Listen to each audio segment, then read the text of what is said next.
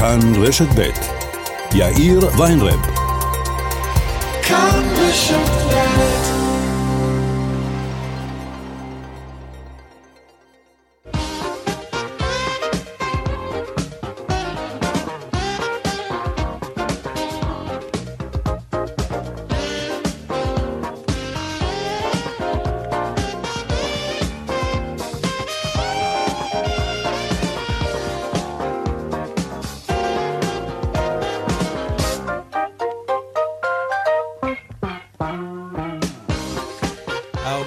כמעט שש דקות, כאן צבע הכסף ברשת ב' יום רביעי, שלום רב לכם, העורך רונן פולק, בהפקה קובי זרח, טכנאי השידור שלנו קובי בז'יק. הדואל של צבע הכסף הוא כסף, כרוכית, כאן.org.il. אני יאיר ויינרב, מעכשיו עד חמש, אנחנו מיד מתחילים.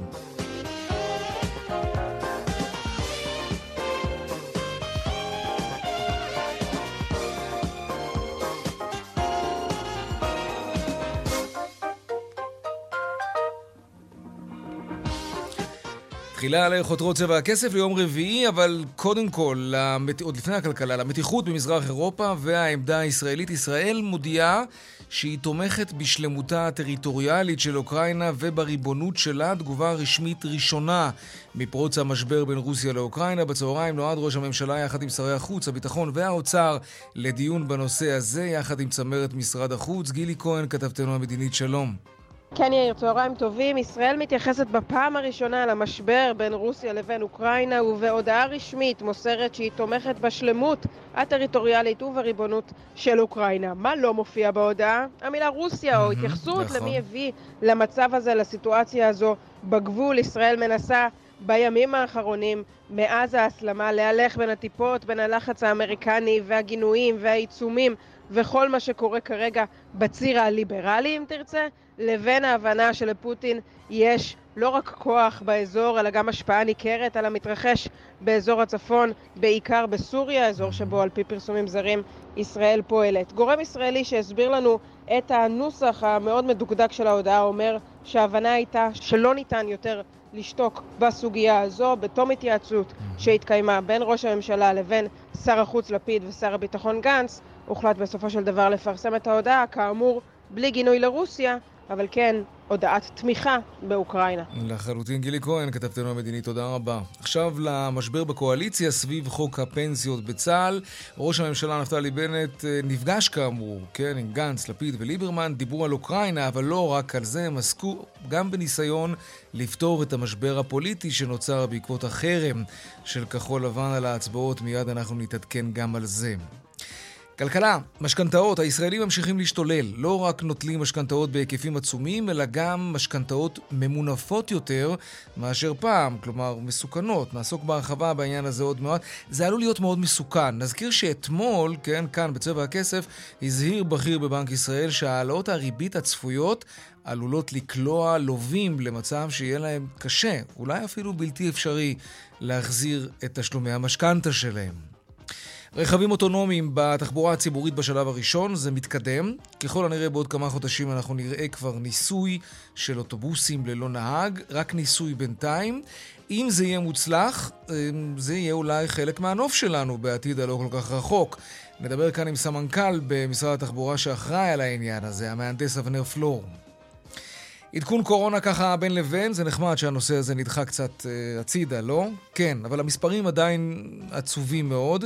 נמשכת אמנם הדעיכה של הגל החמישי, אבל מספרם של החולים שמצבם קשה עדיין עומד על 693, זו ירידה, אבל עדיין מספר גבוה. אתמול אובחנו כ-12,000 מאומתים, ומספר המתים מהמגפה עלה ל-10,040. הפשיעה החקלאית במטע המנגו של מושב קשת ברמת הגולן נעקרו 240 עצים צעירים ונגרם נזק כבד. כתבנו רובי המרשלג מציין שזו הפעם השנייה שפושעים עוקרים עצים במטע הזה. תושב רמות שבירושלים חשוד בגניבת פריטים ארכיאולוגיים יקרי ערך בחיפוש שערכו בביתו שוטרים ופקחים של רשות העתיקות הוחרמו פריטים מימי מרד בר כוכבא ועוד כל מיני ממצאים בני אלפי שנים כן, לקח את זה הביתה. ועוד בצבע הכסף על המענקים שבעלי העסקים והעצמאים נדרשים להחזיר עכשיו לרשות המיסים. האם זה חוקי? כנראה שכן. האם זה צודק? זו כבר שאלה אחרת. בכל מקרה, איך מתמודדים עכשיו עם הדרישה הזאת שמגיעה פתאום מרשות המיסים? נעסוק בזה. נדבר גם על המעבר לארבעה ימי עבודה. אנחנו חוזרים מדי פעם לנושא הזה כדי לראות איך הוא מתקדם. מתי כבר יהיה לנו סוף שבוע ארוך ומפנה כזה, כן? חמישי, שישי, שבת. והאם זה בכלל אפשרי להפעיל את המשק ארבעה ימים בלבד? ונעסוק גם ב-NFT שמשגע את העולם. NFT זה אסימון חסר תחליף. לראשונה, סרט שלם יימכר בצורה כזאת, הזכויות הדיגיטליות, על 1,500 התמונות שמרכיבות את הסרט, אגדת חורבן, יימכרו למרבה במחיר. מה זה בדיוק אומר שקניתי תמונה כזאת מסרט? נעסוק בזה. והדיווח משוקי הכספים כרגיל לקראת סוף השעה, אלה הכותרות, כאן צבע הכסף. אנחנו מיד ממשיכים.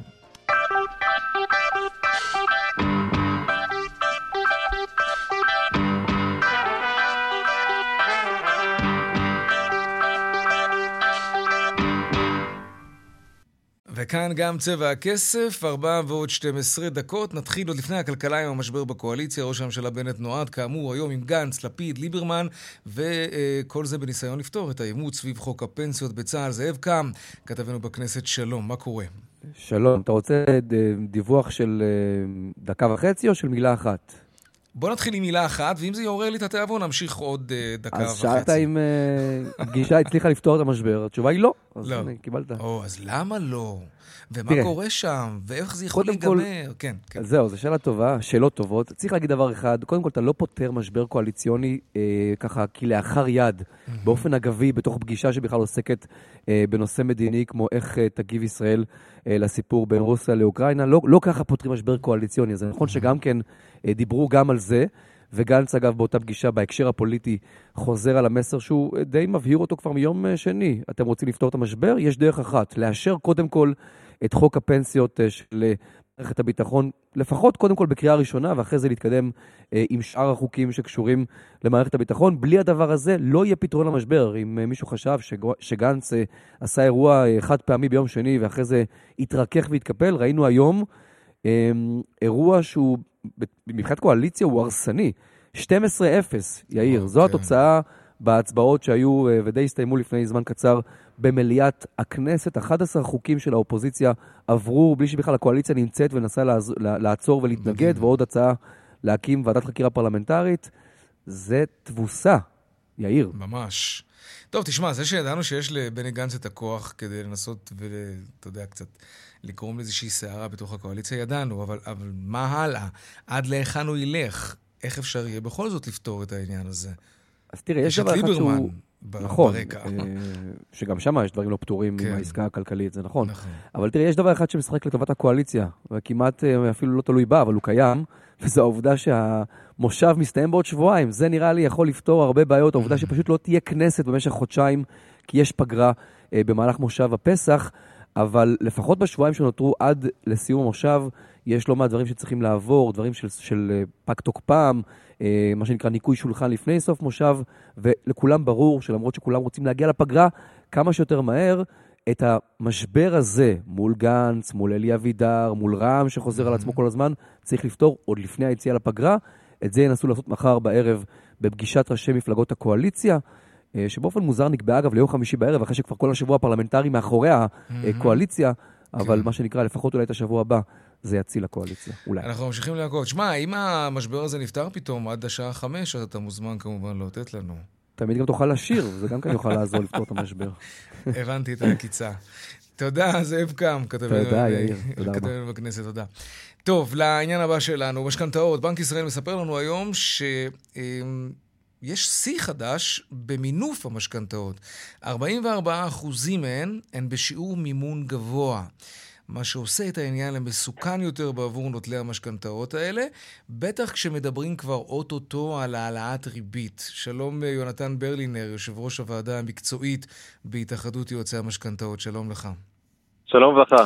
תראה, עוד uh, מהנתונים של בנק ישראל, היקף המשכנתאות בעבור uh, דירות מעל לחמישה מיליון שקלים, יותר מהוכפל בתוך שנה.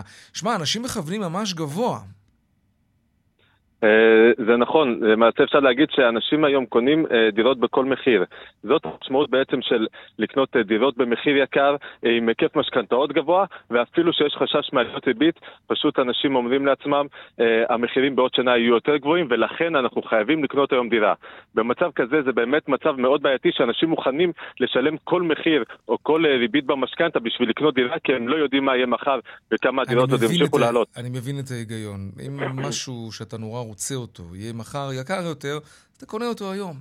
אבל מצד שני, יש פה באמת עוד פרמטר, והזכרת אותו בעצמך, יונתן. הריבית צפויה לעלות. זה כבר, אתה יודע מה, למרות שזה עוד לא קרה, זה סוג של עובדה קיימת. זה יקרה, אם לא בחודש הבא, בעוד חודשיים וכולי. אנשים הרי גם חושבים על זה. יש ברקע גם אתכם, יועצי המשכנתאות. מה אתם אומרים לאנשים כשאתם מרגישים שהם קצת ממונפים יותר מדי? האמת שזאת אה, בעיה אמיתית, כי המצוקה היא אמיתית. אה, זה חוזר לזה שאנשים פשוט מרגישים צורך לקנות דירה, ו, אה, ובין היתר כנראה שבנק ישראל מתמהמה עם העלאת הריבית אה, בגלל הבעיה במשכנתאות. מאוד יכול להיות שאם לא היה חשש כל כך גדול ממה יקרה בשוק המשכנתאות אחרי שהריבית תעלה, בנק ישראל, אה, שבנק ישראל כבר היה מחליט להעלות את הריבית לפני. אה, נכון. בעצם אנחנו רואים שכל חודש אה, היקף המשכנתאות שובת שיאים, אה, וגם היקף המינופים שובת שיאים, וזה כבר כמעט רטוריקה ש, שהולכת ועולה מחודש לחודש. אבל ההבדל הגדול הוא שבאמת עכשיו גם יש חשש מעליית ריבית, וזה עוד לא במודעות הציבורית. כלומר, האנשים עוד לא יודעים בכמה המשכנתה שלהם תעלה. אתה יכול לתת לנו איזושהי דוגמה כדי שנרגיש את זה? נאמר, מישהו לקח משכנתה עם החזר חודשי של 4,000 שקלים, ריבית משתנה, אוקיי? תעלה האחוז, את המשכנ... הריבית תעלה בעוד אה, חודש וחצי ב... לא יודע מה, בשלוש עשיריות האחוז נגיד. מה המשמעות של דבר כזה? מבחינת ההחזר אה, החודשי.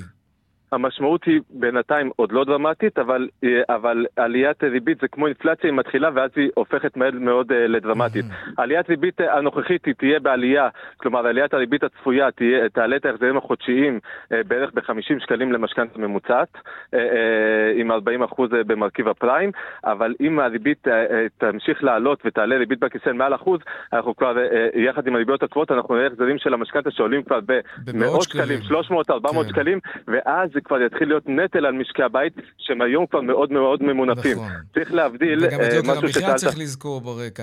אתה יודע מה, בוא, בוא, בוא ננסה באמת, אתה יודע מה, אולי קצת אה, להרגיש את זה יותר. תראה, אתמול אה, ראיינו את פרופסור משה חזן, שחבר בוועדה המוניטרית בבנק ישראל. והוא אמר לנו כאן, בריאיון לצבע הכסף, שאכן העלאת הריבית עלולה להשפיע לרעה על לווים, אולי אפילו עד כדי אי עמידה או קושי של ממש לעמוד בתשלומי המשכנתה. בואו נשמע רגע את הדברים האלה. ייתכן שיהיו משקי בית כאלה ואחרים שיתקשו בהחזר המשכנתה. כאשר אנשים לוקחים משכנתה, הם מבינים בדיוק, או אמורים להבין מהם התנאים אותם אה, הם מקבלים על עצמם. אם מישהו לוקח הלוואה וריבית משתנה, אה, כן, צמודה לריבית הפריים, הוא מבין שיום יגיע ותשלומי המשכנתה על ההלוואה שהוא לקח יעלו. ייתכן שיהיו משקי בית כאלה ואחרים שיקלעו לבעיה של תשלומים. כן. תגיד, יונתן, זה עלול להגיע גם למצב של יכולת אה, להחזיר משכנתה, או שהבנקים, אה, בוא נאמר, בודקים טוב טוב מי יושב מולם, ולמצב כזה זה לא אמור להגיע? אז זה בהחלט יכול להגיע, אמ, זה נכון גם, אה, אה, גם בהקלטה ששמענו עכשיו וגם במציאות היום בשטח של הבנקים, שלווה היום שמגיע לקחת היום משכנתה, אה, היום מצפים להעלאת ריבית וכבר לוקחים את זה בחשבון, כלומר לוקחים בחשבון שהריבית תעלה ולוקחים בחשבון שההחזר החודשי יעלה ב-200 או 300 שקלים.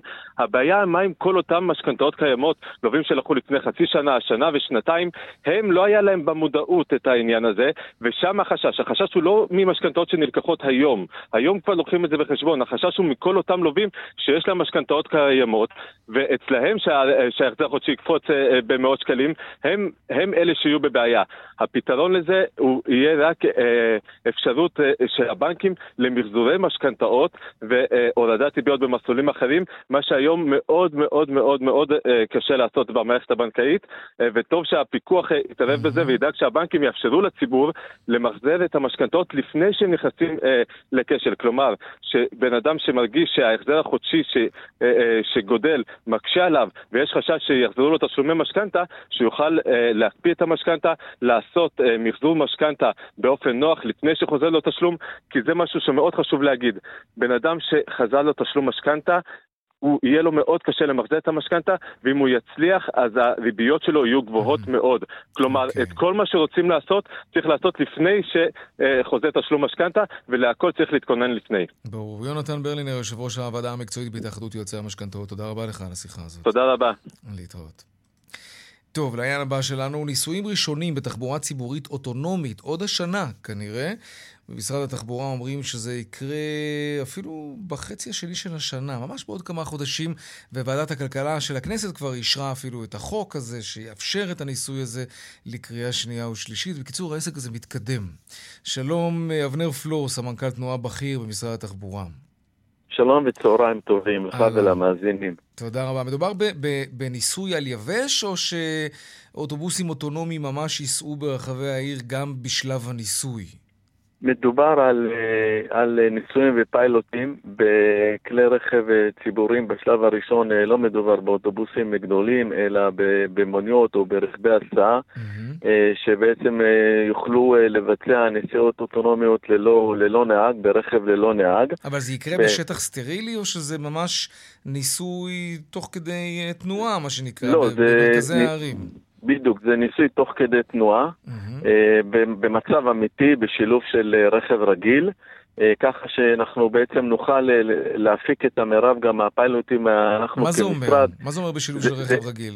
זה, זה בעצם אומר שאנחנו, אז אני אסביר, בעצם מבחינת החקיקה, אה, אושרו עד כ-500 אה, כלי רכב לכל הנסיינים, לכל אלה שמבקשים אה, ביצוע פיילוטים וניסויים. Okay. אוקיי. הם, הם, הם ינועו באזורים מוגדרים שיושרו על ידינו, בכמות מוגדרת שתאושר על ידינו לכל היתר בעל הפעלה שיפעיל את אותם כלי רכב. הם יאספו נוסעים. באמת? כן, הם יאספו נוסעים באמת, בשכר.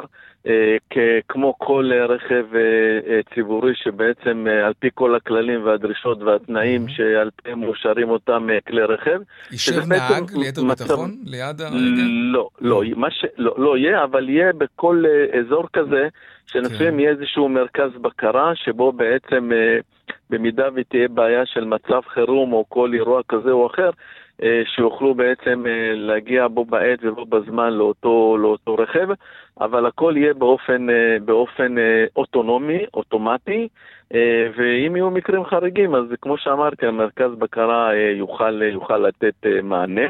ונקודה מאוד מאוד חשובה שמדובר במהלך מאוד חדשני, אנחנו בין המדינות הבודדות שיש לנו כבר חקיקה מוסדרת, גם חקיקה ראשית, גם חקיקת משנה, בעצם כשאחרי שנעבור את הקריאה השנייה והשלישית mm-hmm. כבר נוכל בעצם ליישם את, ה, את החוק, וכמו שאמרת, אה, אנחנו צופים שבמחצית 2000, אה, השנייה של 2022 כבר נוכל אה, ממש בעצם לבצע, נכון. תגיד, אתם יודעים, אתם יודעים לענות על השאלה המאוד מסקרנת? כי אני לא יודע למשל לגבי אם הייתי עולה על אוטו כזה. אתם יודעים איך הציבור צפוי להגיב לאוטובוס כזה, מיניבוס כזה שעוצר, הם יעלו, ישתפו פעולה עם דבר כזה?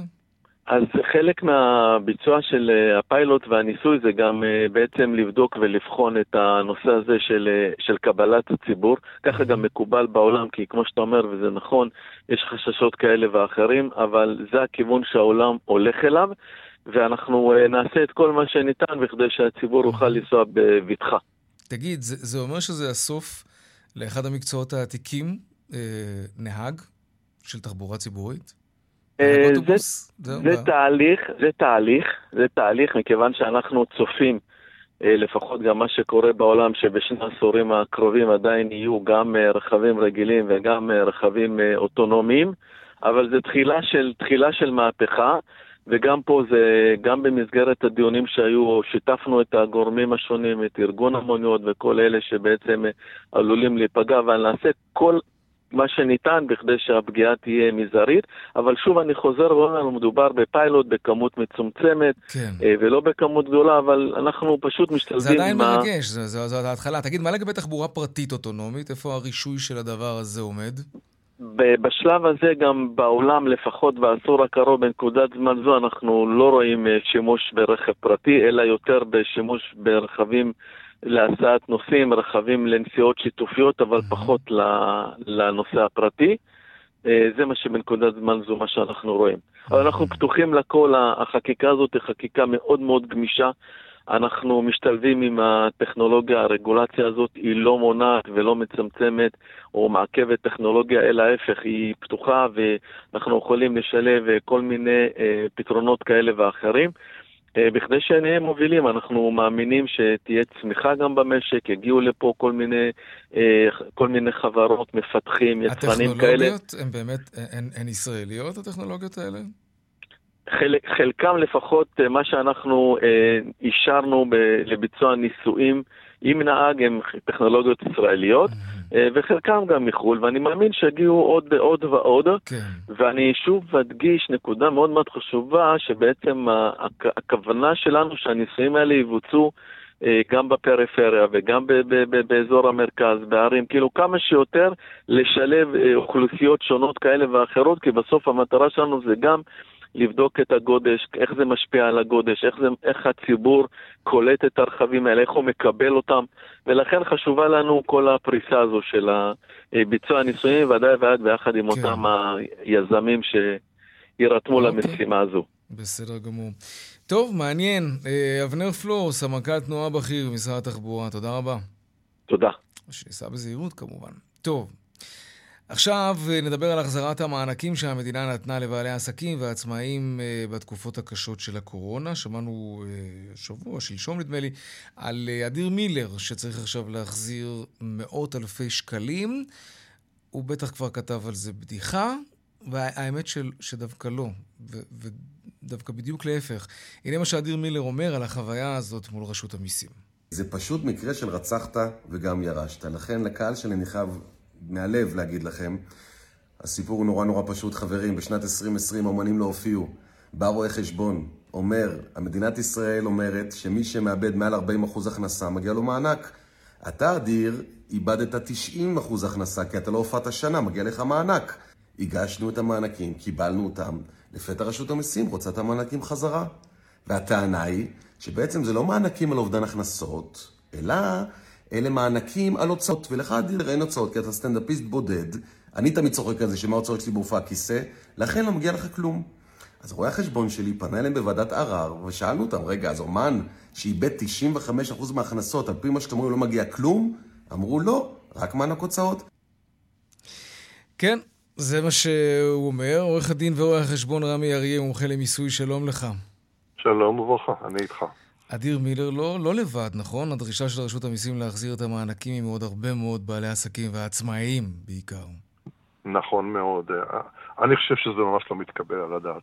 כי מה שקורה שרשות המיסים פונה לאלה שקיבלו ביתר לשיטתה, אבל היא לא נותנת, אה, אה, אה, היא לא באה לאנשים מסוימים ואומרת להם, מגיע לך יותר. הרי החוק לסיוע כלכלי, זה שמקנה את המענקי קורונה, הוא חוק שקובע ממוצעים, הוא קובע איזושהי נוסחה.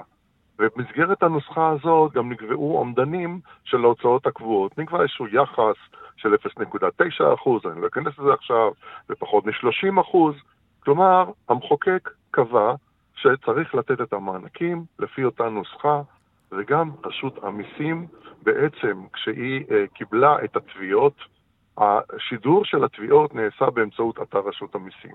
ובאתר רשות המיסים הם ידעו לבד לחשב את הנוסחה. ונתנו לאנשים לפי הנוסחה. עכשיו באה רשות המיסים, בדיליי של שנה ויותר לפעמים, ואומרת, הנוסחה שקיימת היא לא הנוסחה שצריכים להשתמש בה. מה שאתם שידרתם דרך אתר שלנו, עם הסימולטור שלנו, הוא לא נכון. וקובעת שצריך לשלם רק עד גובה ההוצאות הקבועות. אין בכלל בחוק הגדרה של הוצאות קבועות. מה זה הוצאות קבועות? דמי שכירות, חשמל, שכר עבודה, אין הגדרה כזו. להפך, ההגדרה שקיימת להוצאות קבועות, ככל שקיים איזשהו אה, אזכור לזה בחוק, היא הגדרה של ממוצעים.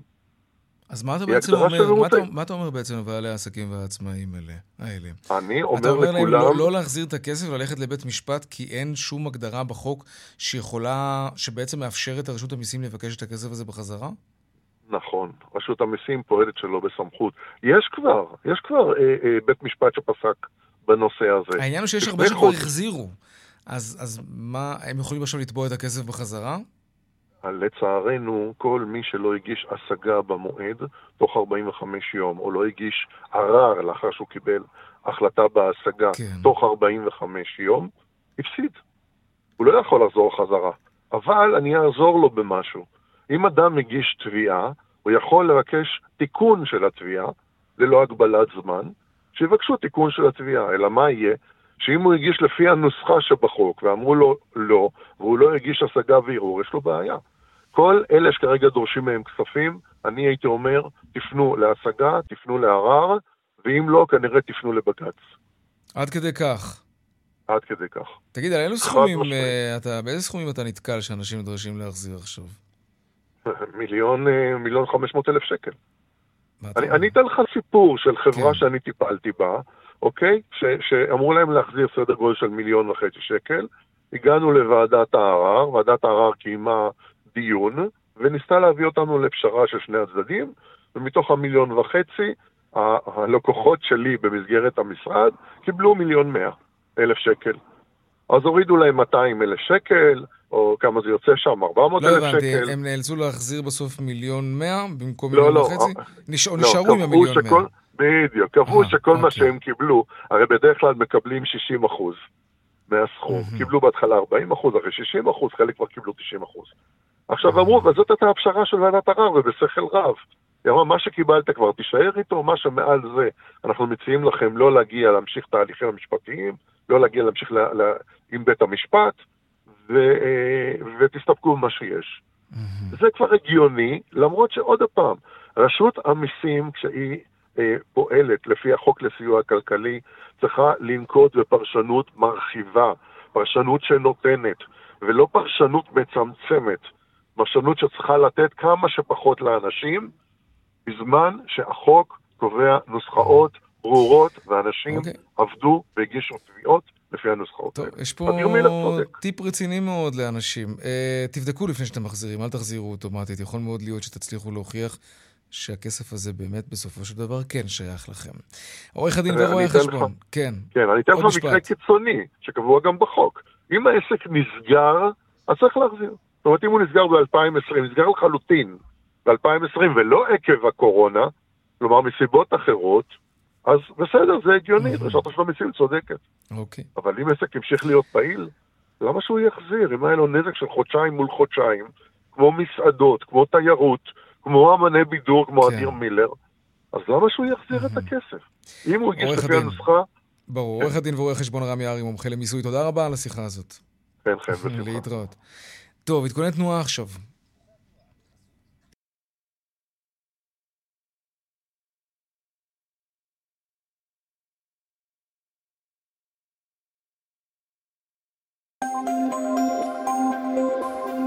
טוב, אז ככה, בדרך שש צפונה עמוס ממחלף נשרים עד בן שמן ומקסם עד אייל וממנהרות נילי עד יוקנעם עילית. דרך 85 מזרחה עמוסה מאוד מצומת עכו מזרח עד uh, צומת מכר בגלל תאונת דרכים, סעו בזהירות. עדכוני תנועה נוספים בכאן מוקד התנועה כוכבי 9550 בטלמסר שלנו, אבל לא רק שם, גם באתר שלנו, אתר התאגיד, אתר כאן. הפסקת פרסומות קצרה ומיד אנחנו חוזרים עם עוד צבע הכסף. וכאן גם צבע הכסף, 4 ועוד 38 דקות בדיוק. כן, טוב, עכשיו נדבר על NFT. Non-Fungible Token, כן, האסימון אה, חסר תחליף. אה, אם אתם זוכרים, אז אה, זה קצת דומה למטבעות הקריפטוגרפיים. אה, ה-NFT הוא בעצם, זה נכס קריפטוגרפי, כמו לצורך העניין המטבעות הדיגיטליים, אבל זה הדמיון היחיד שיש ביניהם, הדיגיטציה, הדיגיטליות. כי בניגוד למטבעות דיגיטליים, ה-NFT הוא נכס שאין משהו שדומה לו. ביטקוין יש הרבה. נכס של NFT הוא יחיד ומיוחד, הוא, הוא יצירת אומנות למשל, או, או ציוץ מקורי ונדיר בטוויטר. הציוץ הראשון בטוויטר אי פעם של ג'ק דורסי, מייסד טוויטר, נמכר uh, בשיטה הזאת בכמעט שלושה מיליון דולר.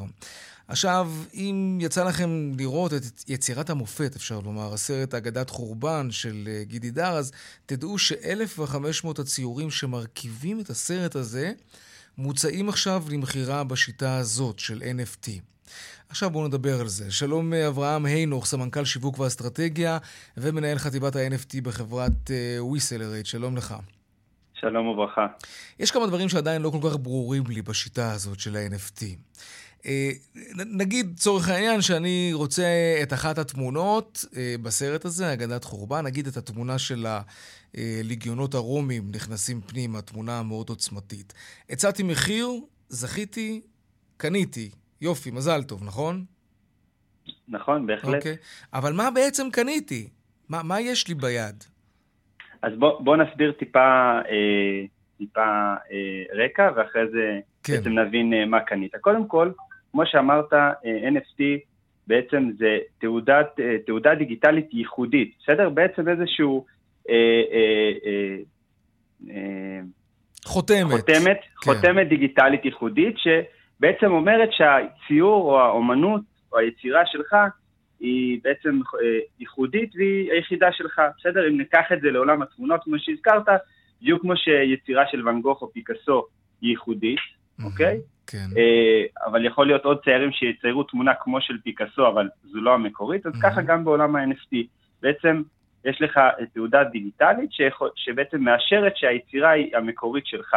אוקיי? בדיוק כמו שדיברת על הציוץ בטוויטר, זאת אומרת, גם, גם לי יכול להיות אותו בטלפון, אבל עדיין אין לי את הציוץ המקורי עם, אה, עם התעודה הדיגיטלית, אה, בעצם ה-NFT שלו. אוקיי. אוקיי?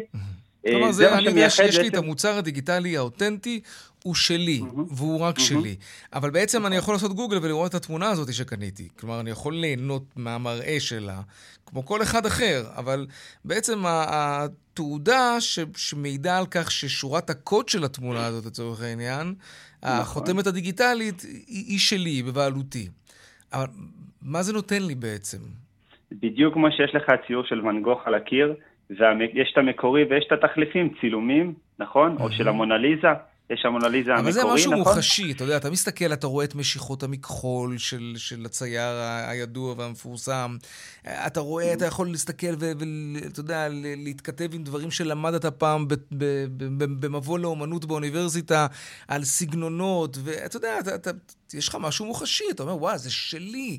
בזה באמת ואן גוך נגע וצייר. אתה, אתה, אתה, יכול, כאילו, אתה יכול להתחבר למה שאני אומר עכשיו.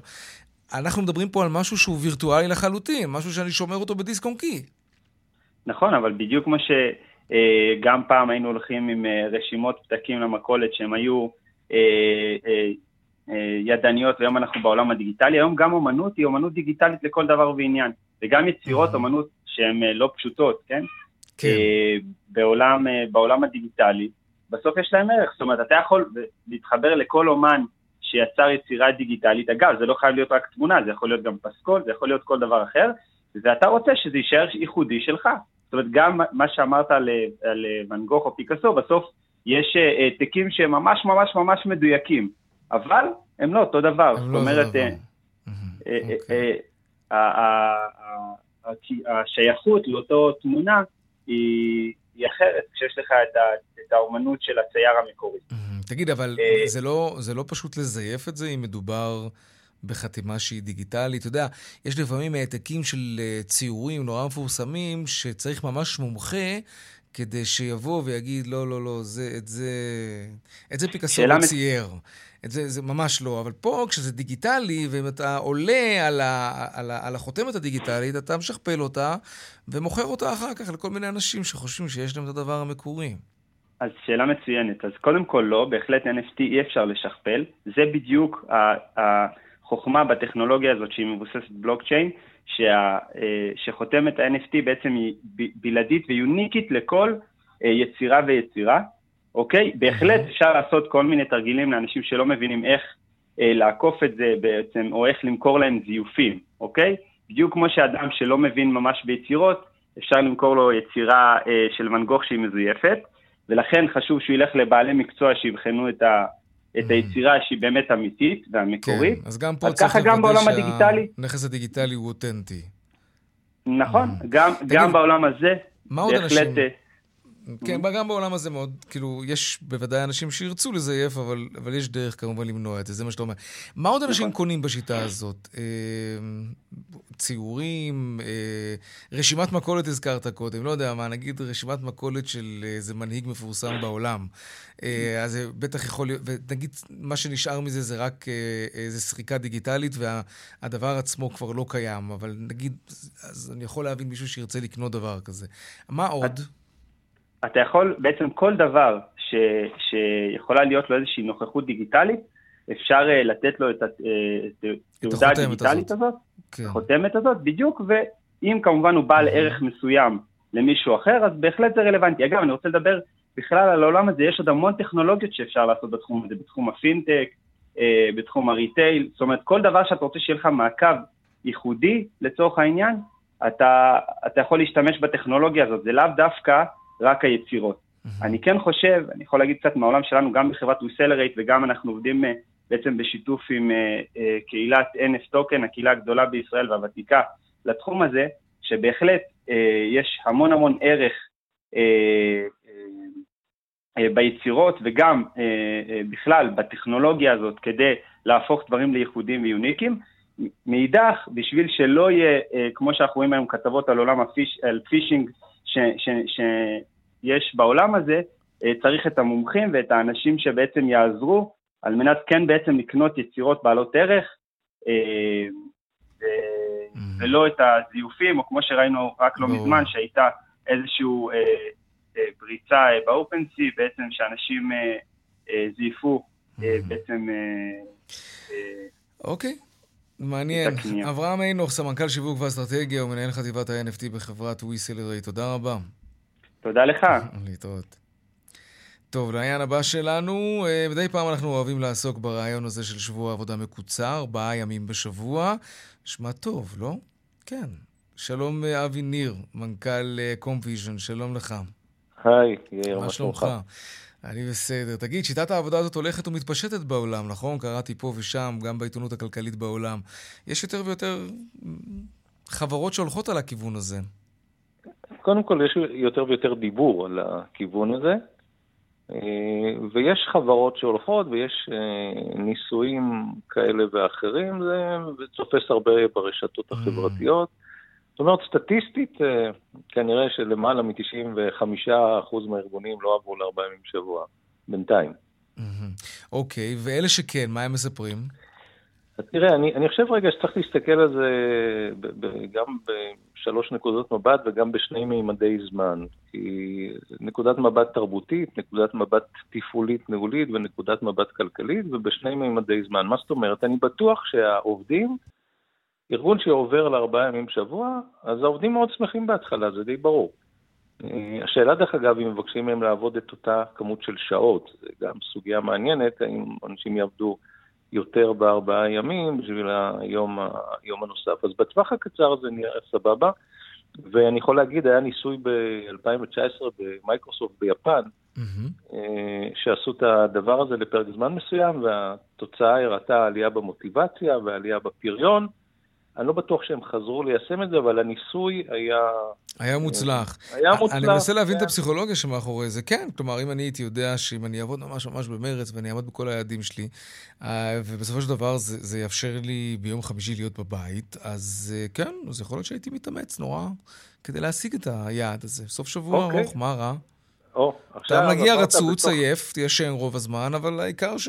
בדיוק, בדיוק. ואמרת עוד משפט, אני אשיג את היעדים שלי. ואני חושב שחלק מהסיפור, במיוחד אם הולכים למודלים כאלה, וזה מהר מאוד uh, התעורר, זה האם באמת אנשים משיגים את היעדים שלהם, והאם באמת ההגדרה הזאת של יעדים היא מאוד מאוד ברורה. זה נושא מורכב, לא יספיק לשלוש mm. דקות ברדיו, איך מגדירים יעדים, ואיך אתה מגדיר יעדים, אז מילא לאנשי מכירות זה קל יחסית, ואולי במפעל ייצור זה קל יחסית, איך נכון. תגדיר את היעדים של אנשי הפיתוח ושל אנשי הכספים ושל אה, אנשי מערכות המידע וכולי. או שאתה כארגון כלומר... מעסיק יותר עובדים, כלומר אה, מישהו צריך למלא את השורות ביתר ימי השבוע, כלומר ארבעה ימי עבודה בשבוע זה לאו דווקא בין ראשון לרביעי, זה יכול להיות גם בימים אחרים, אז נגיד אה, אלה שעובדים מראשון עד רביעי יוצאים לסוף שבוע שלהם, אבל יהיו אחרים שיעבדו נגיד משני עד חמישי, או משלישי עד שישי. פה, כן, אז פה נגעת גם בנקודה התפעולית הניהולית וגם בנקודה הכלכלית. יש חברות שצריכות לתת שירות ללקוחות שלהם 24/7. בדיוק, כן. אז בדיוק. אז עכשיו בואו נדבר על זה מילה מהצד הניהולי והתפעולי ומילה מהצד הכלכלי. אז כמו שאתה אמרת, כנראה שהכוונה זה שלא כל הארגון יעבור לעבוד ארבעה ימים בשבוע וייתן שירות רק ארבעה ימים או יעבוד רק ארבעה ימים, אלא שיאפשרו לעובדים לעבוד ארבעה ימים בשבוע, ואז יש פה בעיה רצינית של לסנכרן את זה ואיך... אה, מנהלים את כל הדבר הזה, ואיך עושים פגישות וישיבות, והרבה מאוד אה, אתגרים שזה מייצר ברמה התפעולית. אבל אתה אמרת עוד משהו. כלכלית יוסיפו עוד עובדים, עובדים זה עלות. Mm-hmm. אז uh, פה השאלה, האם, האם ואיזה ארגונים יכולים להרשות לעצמם את העניין הזה? זה לא מפליא שזה מגיע כרגיל מכיוון ההייטק ומכיוון החברות היותר גדולות ועשירות. אה, שמסוגלות אה, אולי לאפשר לעצמם את הדבר הזה כלכלית, אבל תחשוב על ארגונים ששולי הרווח שלהם הרבה יותר נמוכים, בקמעונאות למשל. לא יכולות להרשות לעצמם לעבוד רק ארבעה ימים בשבוע. בדיוק, אז כשאתה ברווח, כשאתה ברווח נגיד של, לא יודע, שלושה ארבעה אחוז, ואתה פתאום תוסיף עלויות שכר מאוד גבוהות, אז, אז לא אותו סיפור כמו שאתה בעולם של תוכנה עם רווחיות של, לא יודע, 50, נכון. 60 ו-70 אחוז. נכון. אז יש פה גם את הצד הכלכלי, ויש פה את הצד התפעולי, ויש פה את הצד התרבותי. אז ביפן אולי זה עובד, כי אנשים נורא ממושמעים, ואתה יודע, הם באים ועובדים ארבעה ימים, ואז הם הולכים הביתה. לנוח ולעסוק בענייניהם, אבל אני לא יודע בישראל, תחשוב על זה, האם באמת יעבדו אנשים, יגידו להם צריך לעבוד, לא יודע, עשר שעות ביום בשביל עוד יום. ישראלים יש להם יותר פרי uh, ספיריט כזה, אתה יודע, הם פחות uh, אוהבים שמכניסים אותם לתוך דוחות אקסל. Uh, זה אגב הקסם וסוד ההצלחה שלנו, אני חושב, שאנחנו גם מחוץ לקופסה וזה וזה. כן. אבל זה גם אחד מסודות הברדק שלנו, בואו בוא נתלהב, יש לצד, ביצירתיות זה נהדר, כן. ביעילות זה, זה הרבה פחות מרשים, הרבה כן. פחות מרשים. אז אה, טוב. האם אנשים לא יצאו להפסקת צהריים ארוכות? האם אנשים לא ישוטטו באינטרנט ויעסקו בעניינים אישיים? יפנים אולי שלא. כן. יפנים אולי כן, כן. שאלה, שאלה מעניינת. כלומר, הרעיון נפלא.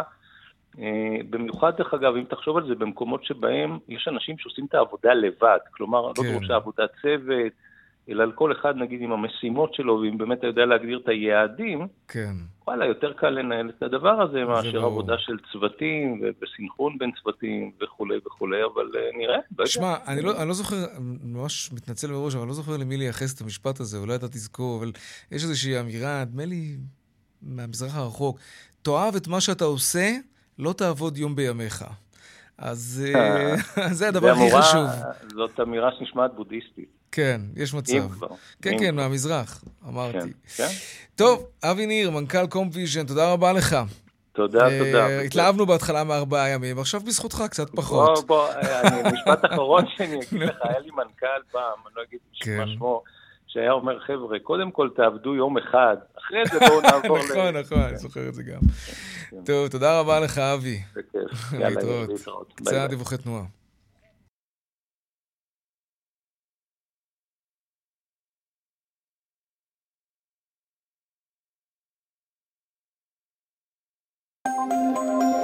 טוב, באיילון צפונה יש עומס ממחלף דוב הוס וקיבוץ גלויות עד גלילות ודרומה ממחלף קק"ל עד לגוארדיה בדרך החוף צפונה עמוס מגעש עד נתניה ובהמשך מחבצלת עד מכמורת. Hmm? כן. עדכוני תנועה נוספים בכאן מוקד התנועה כוכבי 9550 ובאתר שלנו אתר התאגיד אתר כאן הפסקת פרסומות קצרה ומיד, אה, אין פרסומות. אז נלך ישר לעדכון בשוקי הכספים. 102 200, take them. שלום עמית גוריון, מנהל המסחר העצמאי ב-IBI טרייד. מה שלומך? מה שלום השווקים? אהלן יאיר, מה העניינים? אהלן וסהלן. אה, אז המצב השקים, אז למרות המתיחות שעדיין אה, מרחפת כמובן על אה, גזרת רוסיה-אוקראינה, השוק בתל אביב מגיב דווקא בחיוב לסנקציות הקלות יחסית שהמערב מטיל על רוסיה. בהתאם, מדד המעוף תל אביב 35 עולה בחצי אחוז בהובלת מניות הבנקים. מחזורי מסחר לא רעים, 1.7 מיליארד שקלים. בארה"ב מגמה דומה, שלושת המדדים ירוקים כרגע, עולים בין חצי אחוז ל-0.8 אחוזים. בדומה לוויקס בשבוע שעבר, עוד שתי חברות ישראליות פרסמו היום דוחות שאכזבו את המשקיעים, מאנדיי שיורדת 20 אחוזים וריסקיפייד שיורדת רק במרכאות 10 אחוזים. אה, באירופה עליות נאות, גם היורוסטוקס 600, גם הדקס בגרמניה עולים כ-8 עשיריות האחוז. עולם המטח, אז אחרי שבוע די תנודתי סביב הבלגן ברוסיה, היום יחסית יציב. הדולר נסחר ברמות של 3 שקלים ו-22 אגורות. התאוששות מאוד יפה מתחילת השנה של 3.5% מול כן. השקל. היורו במגמה דומה נסחר ברמה של 3 שקלים 65 אגורות, גם הוא עלה מול השקל ביותר מ-3 אחוזים.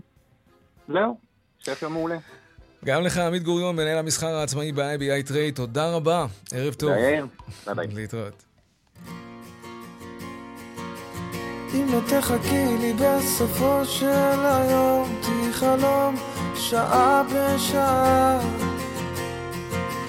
אם תלכי ממני בסופו של דבר, מה שנשאר יהיה חסר השראה.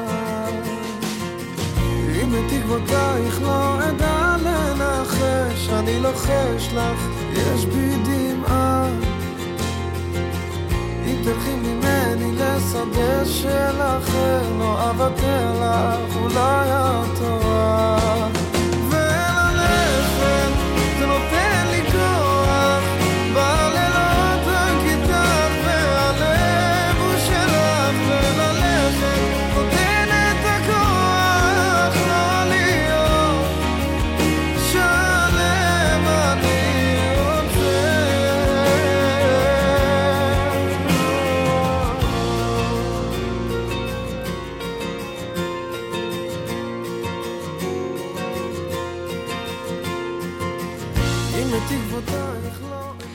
עד כאן צבע הכסף ליום רביעי, העורך רונן פולק בהפקה קובי זרח, טכנאי השידור קובי בז'יק, במוקד התנועה אהוד כהן, הדועל שלנו, כידוע, כסף, כרוכית, כאן.org.il מיד אחרינו שלי וגואטה, אני יאיר ויינרי, משתמע כאן שוב ביום ראשון, בארבעה אחר הצהריים, ערב טוב ושקט, שיהיה לנו סוף שבוע טוב.